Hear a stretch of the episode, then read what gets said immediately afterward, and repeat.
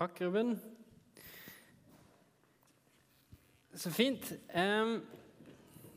Det er tema for talen. Elsket for å elske. Jeg vet ikke hvordan du tenker om eh, strandferie. Om det er det beste du kan tenke deg, eller om det er eh, det verste du kan tenke deg. Jeg er den ene leiren, mens kona mi hun er i den andre leiren. Dere kan gjette hva, hvordan det er. Men i hvert fall eh, så elsker Miriam eh, å bare ligge i sola i 30 pluss grader og bare nyte det. Og eh, ligge der og, og svette og bli brun og sånt noe. Jeg kan på en måte ikke, jeg kan ikke tenke meg noe verre. Jeg syns det er helt uh, forferdelig å ligge i den sola og steike og, og, svette. Og det er sand overalt, og sand mellom tærne og sand i håret. Og, så er det ingenting som skjer, og det er ingenting nytt å se på. og, og sånt noe. Så jeg liker at eh, noe skjer, da. Men i hvert fall så er det det beste Miriam kan tenke seg. Det er ikke noe annet i denne verden enn det å bare ligge på den stranda og ikke, hun skal ikke tenke noe, skal ikke rekke noe, skal ikke forberede seg. Ingen ansvar eller noen ting. Det er bare utrolig deilig å ligge der. Men til og med for Miriam, eh, som elsker dette her, så syns hun at det er godt å komme hjem. Det er godt å komme inn i rutiner. Eh, selv om det kan være veldig hardt å komme inn i rutiner, det skal jeg ærlig innrømme, men vi, vi syns det er godt å komme inn i rutinene. Vi syns det er godt å å, å utrette noe å arbeide og sånt noe, det er på en måte, det gir oss mening. da. Det er meningsfullt å drive med noe. Det er meningsfullt å kjenne at vi er viktige der vi er. Å kjenne at, eh, at eh, vi gjør noe utover oss sjøl. Vi gir noe. Men så er det denne balansen da, mellom å Eh, arbeide og hvile. Så jeg sier ikke at det er meningsløst å ligge på en strand, egentlig. Jeg syns det er litt kjedelig, men eh, det er ikke meningsløst hvis vi gjør disse i to uker, og så er du i gang igjen. For denne her balansen mellom hvile og arbeid det er en viktig balanse som vi må finne. Og Ofte er det jo sånn at det er vanskelig å stoppe. Det er derfor mange brenner seg ut. Og det er jo som regel litt sånn at eh, jeg må ta pause før en virkelig kjenner at nå må jeg ha pause. Da har det kanskje gått for langt. Men jeg snakka med ungdommene om dette med hvile.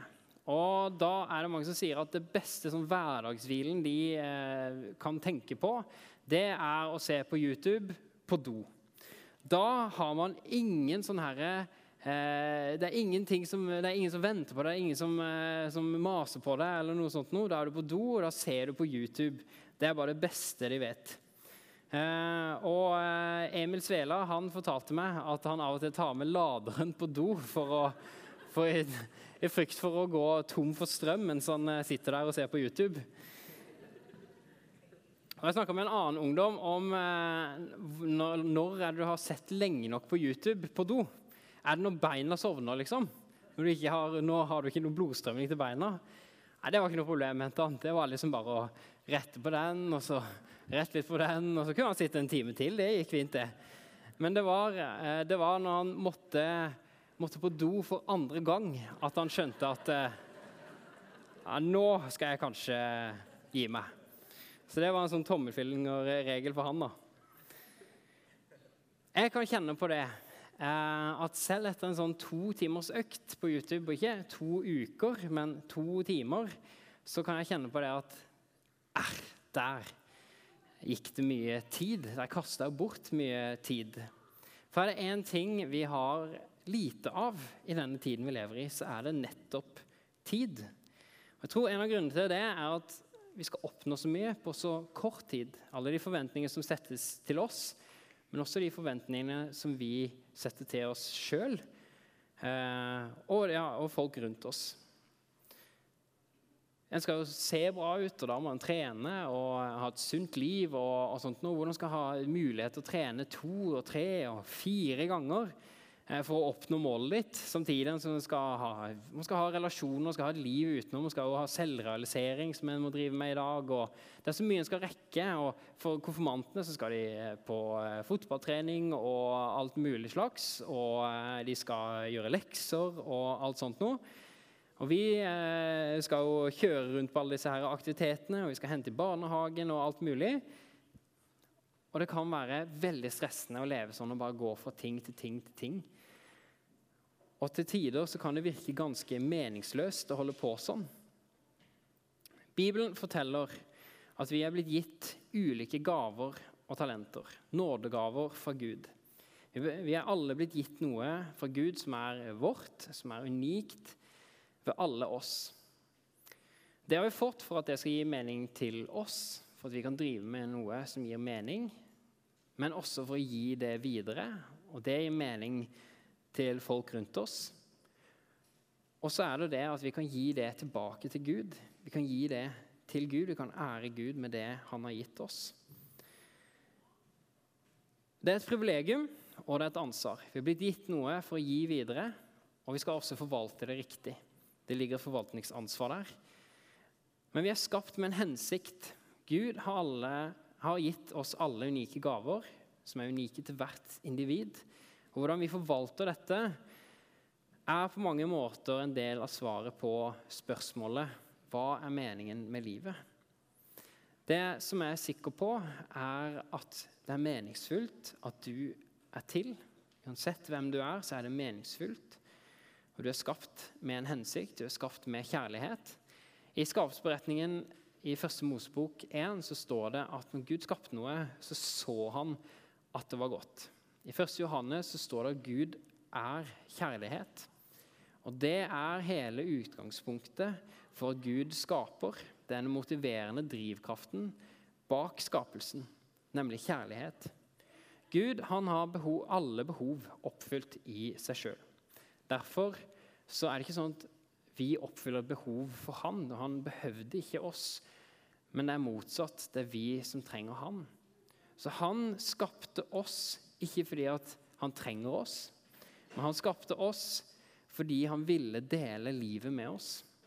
Fordi kjærligheten søker ikke sitt eget, som Paulus sier i 1. Korinterne 13,5, men den søker den andre.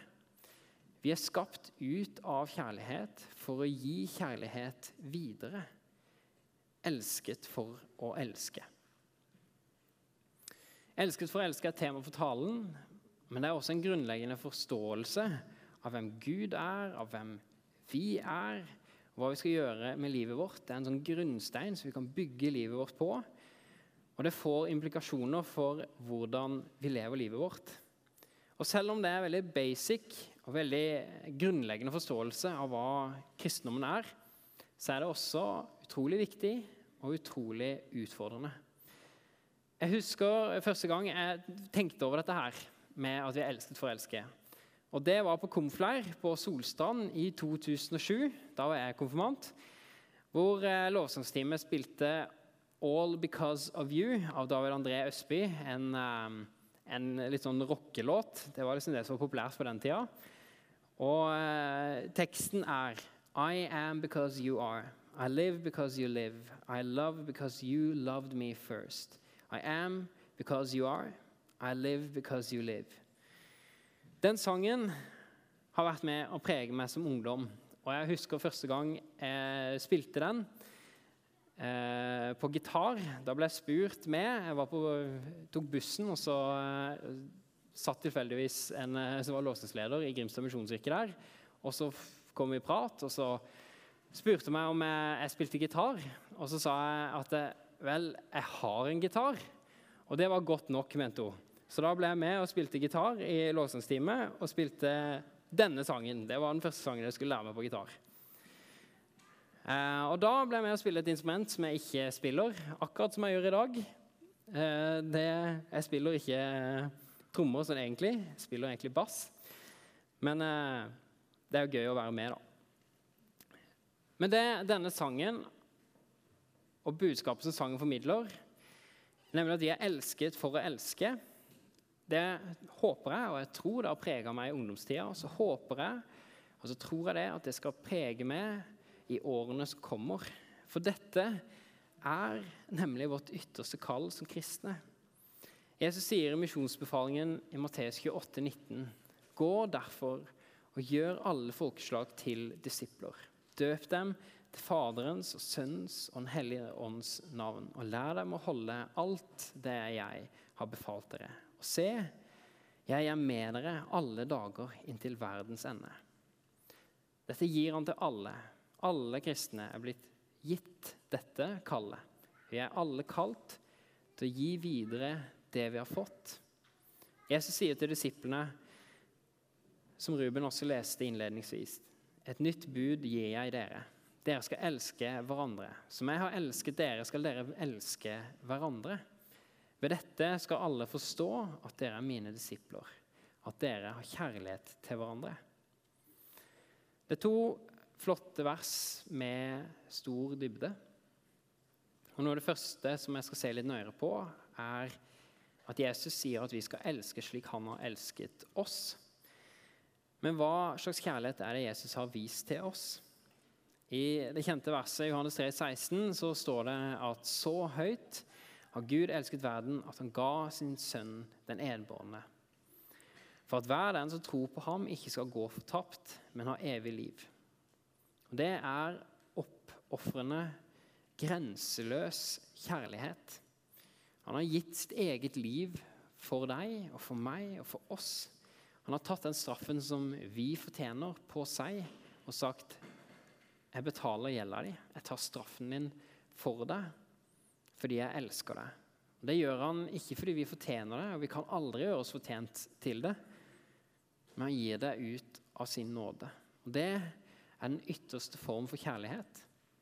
Han har gitt sitt eget liv for at vi skal få evig liv. Han har betalt straffen fordi han elsker oss og det er vi kalt til å gi videre.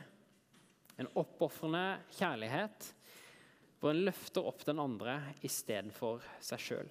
Og Det er grunnlaget og utgangspunktet for det Jesus sier, som jeg har elsket dere, skal dere elske hverandre.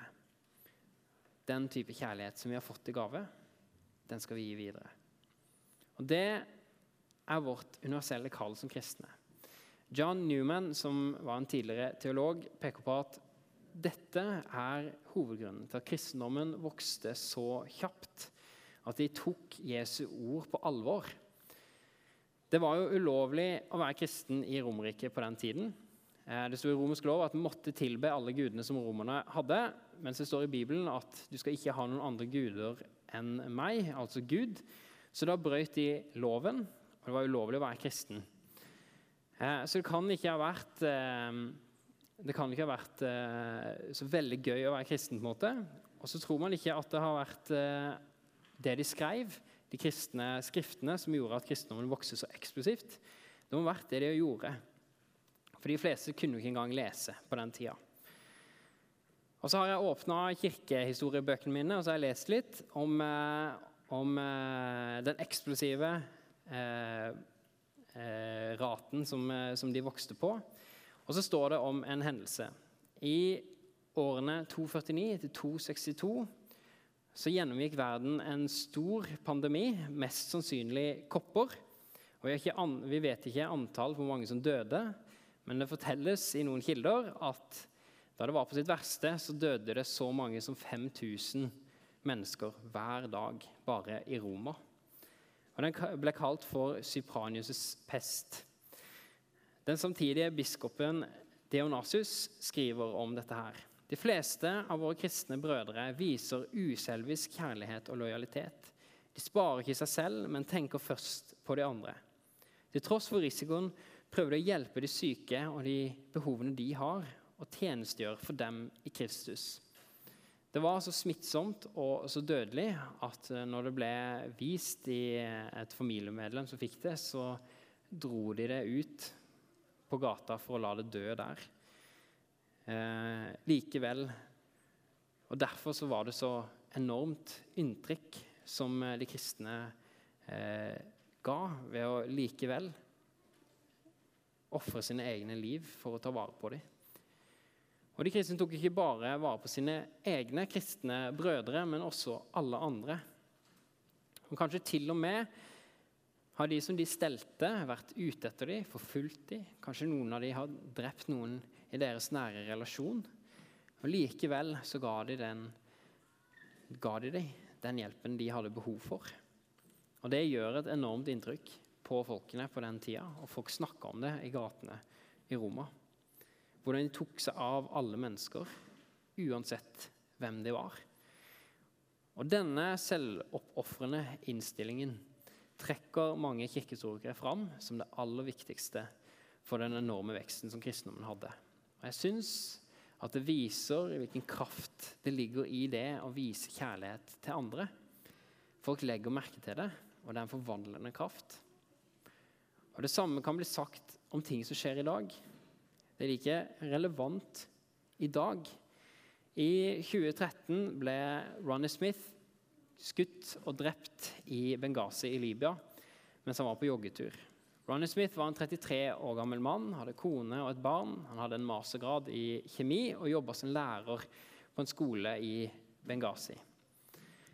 For dere som ikke vet det, så er Benghazi eh, ikke et særlig koselig sted. Det er nærmest en krigssone å regne, med militære grupper, militære terroristgrupper som har mer makt enn de egentlige styresmaktene i landet. Og Derfor så kan du kanskje spørre seg eh, fins ikke andre steder å jobbe som lærer enn der. Men Ronny Smith han var kristen, og han sa det at å følge Jesus eh, han tenkte at fordi Jesus var villig til å dø for oss, så vil det å følge Jesus bety å være villig til å risikere sitt liv for å tjene de som hater deg, og som til og med vil ha deg drept. Og Gaven som Gud hadde gitt Ronny, var at han var en dyktig lærer. Selv om Ronny visste om faren ved å flytte til Libya, så ble han selv etter flere terroristangrep mot den amerikanske ambassaden, som har tatt flere liv, så ble de der for å vise hvem Jesus er gjennom livet deres. Og Mens Ronny er ute på joggetur i desember 2013, så kjører det en svart jeep bak han og ruller ned vinduene og skyter han. Og Etter bare noen få uker blir Anita, kona hans, intervjua på CNN, hvor hun da forteller at hun tilgir de som skjøt mannen hennes. Og Han som intervjuer henne, skjønner ikke at det går an, og spør flere ganger er du sikker på at du har gjort det. Er du sikker på dette her? Hvordan har du gjort det? Hvordan har du klart det? Hvorfor har du tilgitt dem? Det er en veldig fjern tanke. Men hun sier at det er bare gjennom Jesu kjærlighet at hun har klart å tilgi dem. Det gjør inntrykk med sånne historier. Og det er en fin historie hvordan kjærligheten er sterkere enn mørket. Og det gjør inntrykk når vi velger å vise kjærlighet istedenfor vold og hat. Men det er vårt generelle kall. Vi er gitt noe for å gi det videre. Men det er også med vårt individuelle kall. Vi er alle blitt gitt ulike gaver og talenter, unike til oss. Ofte så går det hånd i hånd med hva Gud eh, kaller oss til. Og jeg tenker at kall det er ikke skrevet i stein. Vi er skapt med fri vilje og har full kontroll over hva vi velger å gjøre. Likevel så har jeg sjøl kjent at Gud har eh, på et vis eh, gitt meg en hånd på skuldra og spurt vil du være med på dette her. Um, da jeg gikk på eh, videregående, så gikk jeg på kokkeskolen. Og det syns jeg var eh, Veldig fint, det. Det var ikke lekser, og det passa meg utmerket. For jeg var ganske, ganske skolelei. Men så tok jeg påbygg, um, for da visste jeg på en måte ikke helt hva det skulle bli. Men, men uh, jeg hadde styrt mye lyd og gjort det i noen år. Og, um, og tenkte kanskje at det, det, er den veien jeg skal gå. Jeg har spilt lyd på mange store scener og, og sånt nå, og syntes det var himla moro. Og så begynte jeg på påbygg. Og da hadde ikke jeg hatt sånn presentasjoner og skoleopplegg og sånt på noen år. Så begynte jeg med en presentasjon i begynnelsen av skoleåret. Så syntes jeg det var så gøy å stå og prate foran folk. Eh, av en eller annen grunn. Og jeg tror dere som kjenner meg, eh, så, så, tror jeg dere vet at jeg er liksom ikke den mest oppmerksomhetssyke. Men eh, det var et eller annet der. Jeg syntes det var gøy. Um, og så var det akkurat som at eh, etter hvert, da, så, så måtte, ta, måtte jeg ta et valg. Da hadde jeg på en måte ikke så egentlig mange gode ting på arket på det med, med kallet mitt for å gå for å bli pastor. på en måte. Men, eh, men eh, eh, jeg valgte likevel å gjøre det. For det var akkurat som jeg kjente på at jeg klarer ikke å la være. Det er dette jeg skal gjøre. Det er det jeg vil. Og jeg har møtt andre som har kjent det på samme måte, som har ofra alt. Har reist fra trygge, stabile Norge til ukjente og ustabile. Og latt være eh, dette stabile livet i Norge og så dratt og så gjort store ting. Og Ofte så er den det svaret på det spørsmålet 'Hvorfor gjorde du det?' er at jeg klarte ikke å la være. Jeg måtte gjøre det. Jeg var i Vietnam for noen år siden på eh, misjonstur eh, med Aselink. Og Utenfor Ho Chi Minh så arrangerte vi en eh, ungdomsleir i et nedlagt hotell. Eh, og I Vietnam så er det sånn at du må være registrert som kristen i en registrert kirke for å få lov til å være kristen. Og det, og det kan være sånn at hvis det er for sterk vekst og sånt noe i kirka, så putter de pastoren i fengsel i noen måneder for å på en måte senke eh, veksten. Men ute på landet så er det mye farligere å være kristen. Hvor det ikke er mulighet til å være i en sånn registrert eh, kirke, så, så eh, er det fare for å bli fengsla og torturert. Og jeg, da jeg var på denne her ungdomsleiren, så møtte jeg en mann som hadde et øye som ikke han klarte å lukke opp. Eh, han var krokete, han var bøyd. Han, var, eh, eh, han så ut som han hadde vært i en alvorlig ulykke. Huden var helt sånn eh, Så ut som var brent. og så forteller en annen pastor der om denne mannen at uh, han var en tidligere pastor i en husmenighet. Men så fant myndighetene ut av dette her, så de kom til huset hans, og så brente de ned huset hans. Og så tok de han eh, og bandt han med kjetting etter en motorsykkel og dro han eh, bortover veien. Og det skada han for livet. Han ble aldri den samme igjen. Han som fortalte denne historien, var selv en slik pastor i en uregistrert menighet. Og Han visste godt at han risikerer tortur han risikerer fengsling og andre forferdelige ting hvis myndighetene finner ut av hva han driver med. Og Jeg spurte han hvordan klarer du det? Hvorfor gjør du det? Og svaret hans er også simpelthen jeg klarer ikke å la være. Gud har berørt meg på den måten, og jeg må gi det videre. Jeg sier ikke at alle trenger å kjenne det på den måten. Eller at eh, vi trenger å alle skal risikere livet sitt, eller at alle skal bli pastorer.